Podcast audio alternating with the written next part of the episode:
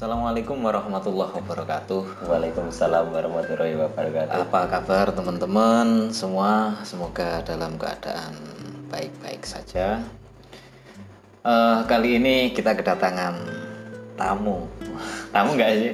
Enggak sih. Tamu nggak bukan ya? Sering main. Ya ini namanya Mas Diki.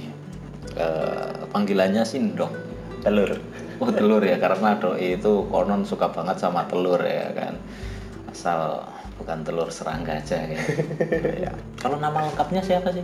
Diki Adi Irawan. Wuh, Diki Adi Irawan. Ya. Kayak mirip artis itu kan ada. Iya. Ya ini artisnya sini. Sekarang di sini. Ria Irawan. Iya.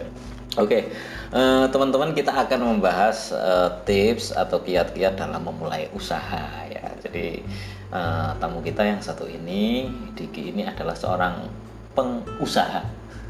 Belajar. Oh ya. Sama-sama belajar maksudnya. Eh, tambahan peng itu artinya apa ya kalau bahasa Indonesia belum cek ya artinya orang yang selalu berusaha Berusaha, tapi dalam hal ini ya berusaha berbisnis ya buka dagangan berjualan gitu ya Iya. biar apa mas ber oh beruntung dan berdikari Berdikari. ya, berdiri atas kaki sendiri pernah nggak li lihat orang berdiri atas kaki orang lain itu kayak sulit ya mas. Oke, itu the point aja ya. Ini khusus untuk teman-teman yang mungkin akan memulai sebuah usaha atau mungkin sudah ya, sudah biasanya kalau cewek-cewek bisa all shop, All shop, Eh, fashion. ini kan bisa ya apalagi kita di Di masa era era digital. lockdown.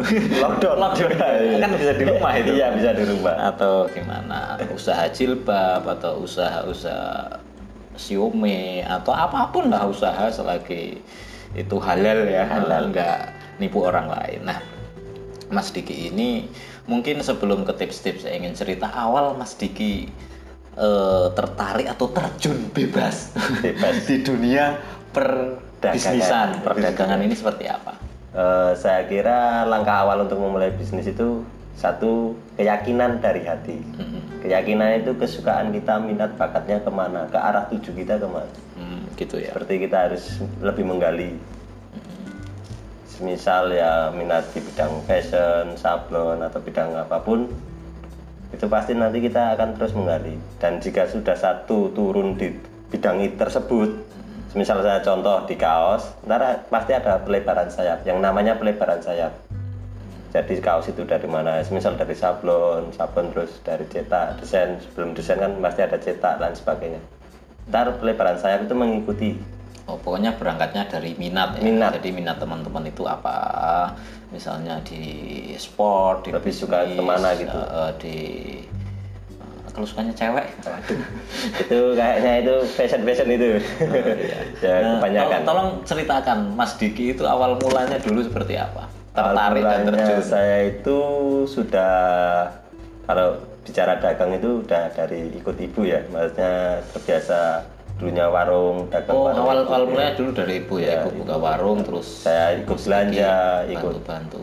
ya tahu-tahu dari situlah Ikut belanja terus eh, ngambilin ikut ngambilin uang juga. Iya, maksudnya ya ikut tahu pasti Oh, iya. ikut dari keuntungan-keuntungan tersebut Oh, Berarti bisa dikatakan ini faktor lingkungan teman-teman ya. Jadi lingkungan karena lingkungannya support ya karena, Iya. karena oh sering lihat ibunya dagang gini-gini terus dia ngambilin uangnya. Ternyata Seperti uang itu bisa untuk bisa untuk beli. ya.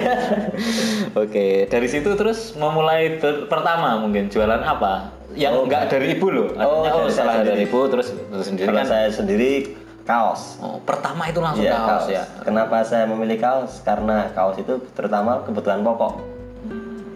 Kebutuhan pokok primer. Jelas laku dan pakaian lah ya Iya, pakaian, sandang. Hmm, sandang ya Dan iya betul kenapa saya Hmm. yuk terus di kaos karena kaos itu tidak ada maksudnya jangka panjang tetap laku.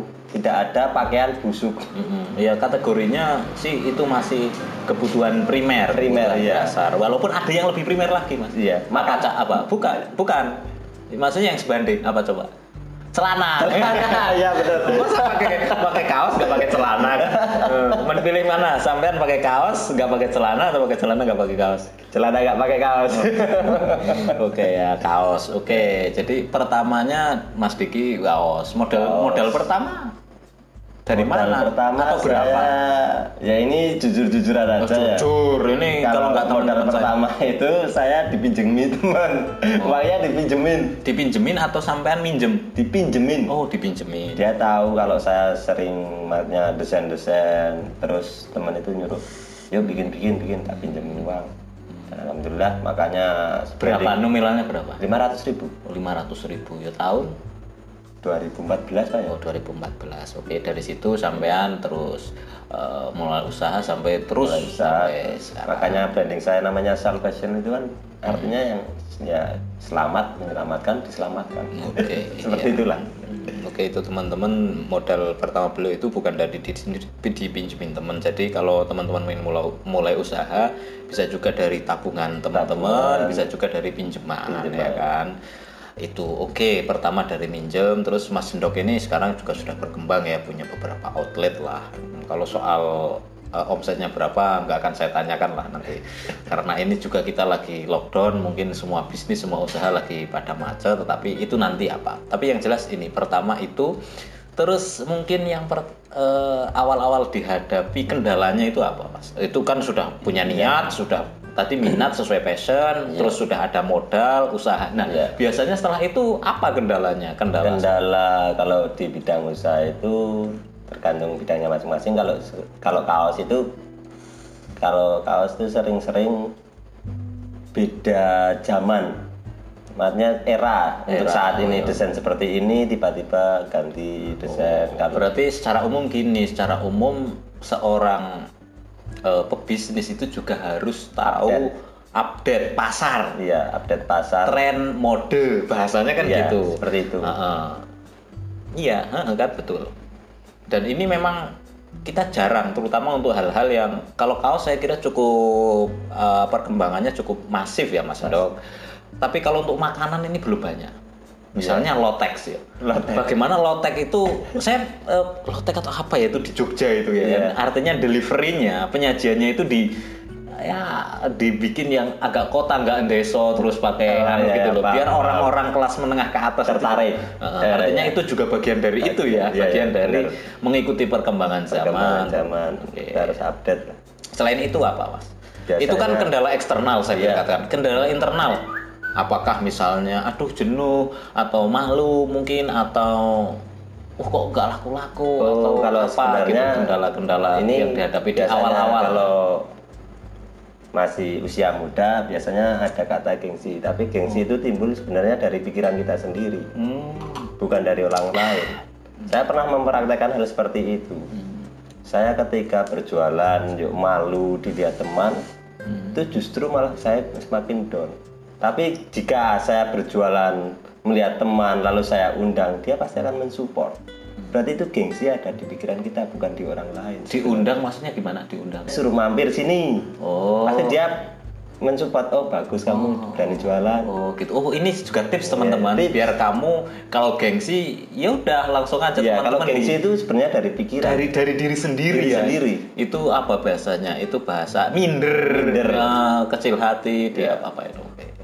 Hmm, Kalau- seperti itu ya. Jadi itu tips teman-teman kalau memang minder kepada seorang undang aja gitu Iya, ya. Atau undang disapa aja. pasti kan karena- disupport karena itu kayak ketakutan yang timbul Iya. dari dalam sendiri. Oke, Wih, terima kasih sekali loh. Saya juga baru tahu ini Mas. Oke, kita kalau sambil sana. semisal barang itu tidak laku ya kita memahami gini aja usaha itu tidak seperti membalikan telapak tangan Uh, uh, ngapa? sangat mudah Oh iya. Seperti itu. Oh iya. Ya ibarat gini aja kita sudah terjun kita sudah yakin kalau kita berhenti kan percuma Hmm. yang bulan-bulan lalu artikel atau katalog lah Hmm. itu percuma artinya kita tidak update Jadi sekali ke medan tempur Iya, lanjutkan, lanjut jangan mundur perang. Sekali apa namanya bendera dikibarkan pantang menyerah menyerah. ya seperti halnya itu semisal kita usaha itu yang pertama jangan sekali-kali nomor satu untuk mencari keuntungan. Iya betul tapi itu keuntungan. Tapi jangan sekali-kali itu yang ada di pikiran anda tentang keuntungan saja. Oh, tapi apa? kita harus mengatasi bagaimana besok ke depannya gini problem-problem itu loh mas. Maksudnya biar kita itu kalau cari sekedar cari untung tapi tidak tahu masalah pasti kalau kena satu masalah dia pasti down. Banyak kan seperti itu Nah, yang harusnya gimana harus? yang harusnya kita kita atur itu penting kita yakin usaha kita jalan bagaimana kita cara mempromosikan. Nggak ada suatu brand itu bisa punya nama kalau dia tidak berani promosi. Nah promosi itu butuh namanya ya misal ada uang promosi sponsor promosi ya kayak di sosmed itu promosi Instagram dipromosikan dan sebagainya. Itu awal kita untuk mengeluarkan dana berarti kalau oh, usaha itu ada uang bakar-bakar lah Oh, uang bakar-bakar untuk promosi. untuk ya. promosi Oke. Oke, santai kopinya sambil Oh, iya. Siap. Mas. Kita santai saja ya. Itu. Oke, itu. Terus apa ya? Sikap-sikap. Ini kan penting loh. Sikap seorang pedagang itu gimana harusnya? Seorang pedagang yang baik atau Sikap. penjual yang baik. Hmm. Ya kalau sikap kita harus Omongan, perilaku, perilaku ke konsumen atau ke siapa pun terutama ramah Hmm, pertama oh, ramah. ramah Yang kedua? bisa mati Jujur gimana mungkin. jujur mati ya kalau ditanyain ya dijawab kalau enggak ya tidak perlu lah Hmm. Baratnya itu kan seperti ya, ada yang seperti namanya rahasia bisnis lah Hmm, ada ada bisnis katanya jawab enggak. Tapi yang jujur ya nggak boleh tipu-tipu lah. boleh ya. tipu-tipu lah Oh, karena kalau tipu-tipu juga nanti kita juga di- ditipu gitu. Iya. Kena, kena batunya kan. Iya, iya. Oke, itu. Jadi awal-awal tadi saran dari Mas Sendok itu untuk kita itu jangan hanya uang tetapi juga apa ya kita harus pikir jangka panjang mental, Mental, sikap, sikap. nanti tetap ada masalah kan Ada masalah yang tetap itu ada. kita harus hadapi harus pasang badan harus pasang badan. Oke, ini teman-teman bagi yang pengen usaha ya gitu tekuni karena nanti apa nanti akan ada jalur sendiri ya sesuai Iya, dengan natnya. Kalau misalnya sampean di kaos nanti akan ketemu dengan percabaan-percabaan je- itu jejaringannya, Iya. jejaringannya. Oke, itu. Eh, terus mungkin cara mengatasi kebosanan Mas Dok. Cara mengatasi Eh, kebosanan untuk Mas Dok sendiri pengalaman kan kalau saya juga punya alasan tersendiri di dunia saya atau mungkin teman-teman yang lain tapi kalau bagi sampean kalau oh usaha dengan rutinitas itu kan jangan sampai dengan itu terus down atau mungkin berhenti ya dengan Iya, bosan benar, itu benar, kan. benar. Mm, itu gimana cara mengatasinya kalau cara mengatasi bosan itu sepertinya mudah Hmm. misal kita usaha di bidang satu makanya kita di bidang penjualan jual kaos ya kita ngisi bosan desain ke marketplace. Hmm. atau kita jual-jual desain tapi belum ada pesanan tapi kita desain-desain ngereko-ngereko lah mas. Hmm. dijual di marketplace. Artinya mengalihkan ke hal lain gitu. hal tapi lain, yang tapi masih bersangkutan. Iya, bersangkutan. masih bersangkutan oke. Itu tadi kendala sudah. Terus eh, cara apa ya? Cara merawat konsumen saya lihat eh, beberapa konsumen Mas Sendok ini yang saya amati ya saya nggak tahu yang saya amati itu banyak yang misalnya hari ini besok ya besok sampai jualan itu beberapa persen itu adalah pelanggan yang lama ternyata Iya. gitu loh. Nah itu cara itu loh. kan itu jarang dipikir orang kadang kan dia berpikir wah jual untuk orang kayak itu loh warung di pinggir jalan lah ah, rasanya gimana terserah kadang ditutup ya kan regane larang Oh, Iya. yang penting kayak wong liwat tok. Nah, nah, tapi kalau model kayak sampean ini kan kayaknya ada semacam apa yang kerawat konsumen gitu kan sehingga eh, besok it- dia itu nggak hanya beli sekali gitu. Itu gimana cara sampean seperti itu? sebenarnya itu kalau konsumen datang kita ramah sambil ibaratnya minta WA minta kontak atau gimana tergantung kita penjualan kita ya meramah mati cara gampang ini grab ya kan loh mas bisa merangkul lah mati ibaratnya itu konsumen bakal kembali lagi. Hmm, hmm, Am- itu ya. kalau di dunia sablon ya amanah yang dipegang amanah, jujur, terus eh, nyaman ya, mungkin Nyaman. eh, nyaman ya kita diwongke lah bahasa Jawanya gitu, Diwongke, pelanggan iya. itu diwongke sehingga eh, kemudian bakal ada untuk kembali lagi. Untuk kembali lagi. Itu du, du- dunia persablon sablonan ya itu bisnis.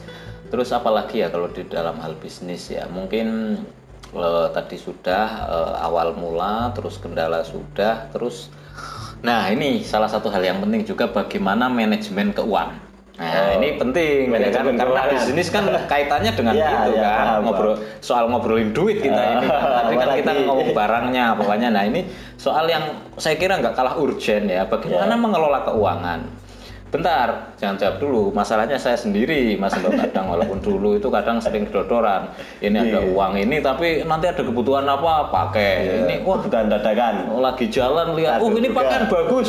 Beli ini nih bagaimana mengerem nafsu itu dan eh, agar bisnis itu tetap jalan? Oh, iya, bagaimana menyisihkannya itu loh pengelompokan ini kalau mengerin nafsu itu sebenarnya hanya satu kita tahu fungsi dari sebuah apa yang kita beli.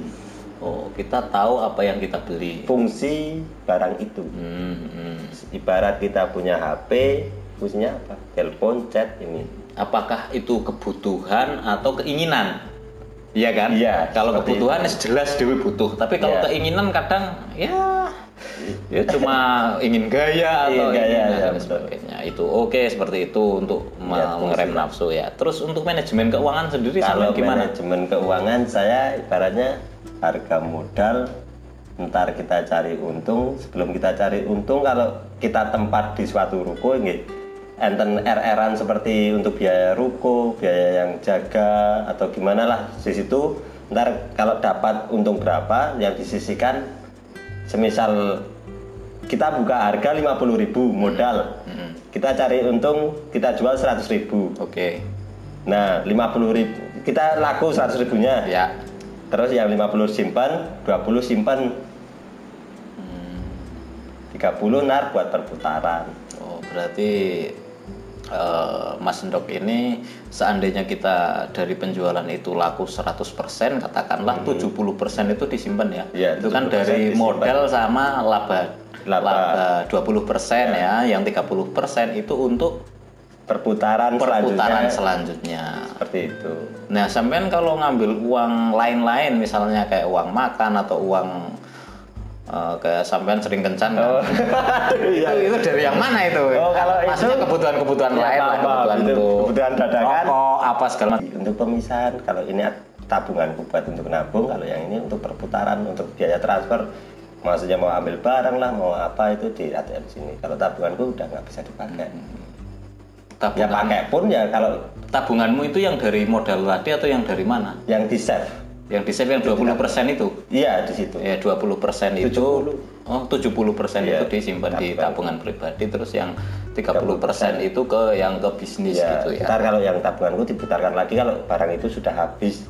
Hmm. Maksudnya kita ambil barang ibarat sweater, sweaternya yang tersebut sudah habis, yang itu diambil buat makan. Seperti itu. Oke, seperti itu. Jadi Kalau teman-teman cara mudahnya ya dibalik aja, yang 70.000 di ATM ini 30% di tabunganku. Oh, itu jadi cara mengelola keuangannya seperti itu. Jadi setiap eh, misalnya itu berapa minggu sekali atau per hari, Mas, catatan untuk meng- pengelompokan itu? Kalau saya harian, Oh, harian. Jadi Harian misalnya ada. sehari sehari dapat satu juta katakanlah, berarti yang eh, 50% katakanlah apa 500 ribu itu modal, Iya. ya, 500.000 ah, untuk ambil terus untung ditabung. 500 ribu berarti yang 300 itu untuk pur putaran selanjutnya yang Iya. laba 20 ribu dimasukin ke yang tabungan buat dadakan atau apa mau pulaan yang lebih lagi. atau besok si Clara minta nikah kan Nah, ya itu seperti itu. Bisa jadi. Minta dilamar ya kan Wah, Ya, itu berat itu Ya, berat banget. Tapi harus dihadapi ya kan. Iya, Oke. Eh, mungkin eh, ekspektasi sih untuk ini pribadi ya sih mungkin Ya. ada kaitannya dengan eh, teman-teman ekspektasi Mas Dok sendiri seperti apa sih ke depannya untuk Mas Dok sih usahanya? Kalau bidang kaos itu yang jelas tidak ada matinya. Oh, Iya enggak maksudnya untuk pribadi Mas Dok cita-cita punya nggak sih cita-cita atau ya ngalir aja sih eh, usaha Hmm. gini-gini atau sampean punya keinginan sih aku ingin menguasai distro se kabupaten Oh, itu ada. Nah, gimana ke depan itu keinginan cita-cita sampean lah bahasanya cita-cita. Oh. Sampean itu jadi apa? Jadi dengan eh, Oh, kapasitas seperti apa? Oh kalau saya sendiri itu kepinginnya itu kita membuka branding. Hmm. Branding ya seperti saya rembuk sama teman seperti ya ibaratnya ini branding satu tapi di dalamnya ada berapa banyak fak yang di dalamnya bisa mengerjakan sesuatu masing-masing. Seperti sablon, video dan lain sebagainya. Harus atas satu naungan. Satu naungan ya Satu kayak wadah. korporasi ya inginnya seperti itu ke depan. dan wadah itu terbentuk dari keresahan. Uh, tidak ada suatu wadah terbentuk. Bukan dari keresahan. Oke. kalau tidak ada keresahan pasti ya rasa-rasan oke apa boleh badi biro kalau ada keresahan ya buat motoran di duitnya ikut bareng. Nah, itu keresahan ya.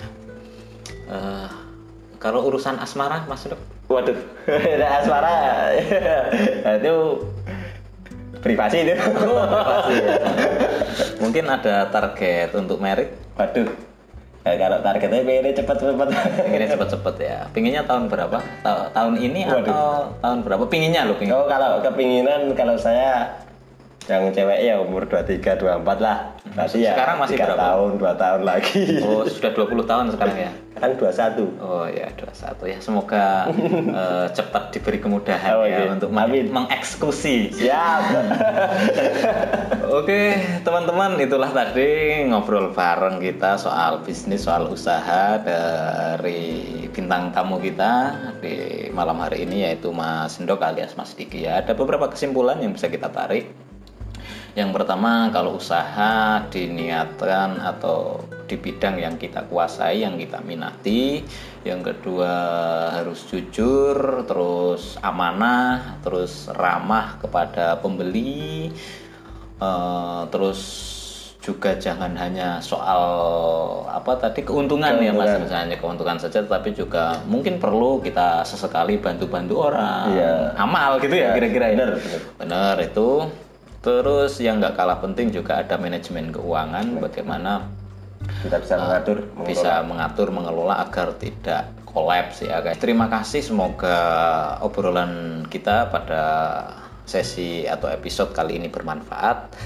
Eh, kurang lebihnya mohon maaf teman-teman ya nah, sambil bercanda ini sambil ngopi. Terima kasih juga untuk Mas Dok sudah berbagi ilmu, sudah berbagi pengalaman. Semoga menginspirasi bagi teman-teman Oh ya, sama-sama, sama-sama belajar ini. Terima kasih. Eh, kurang lebihnya mohon maaf. Assalamualaikum warahmatullahi wabarakatuh. Waalaikumsalam warahmatullahi wabarakatuh.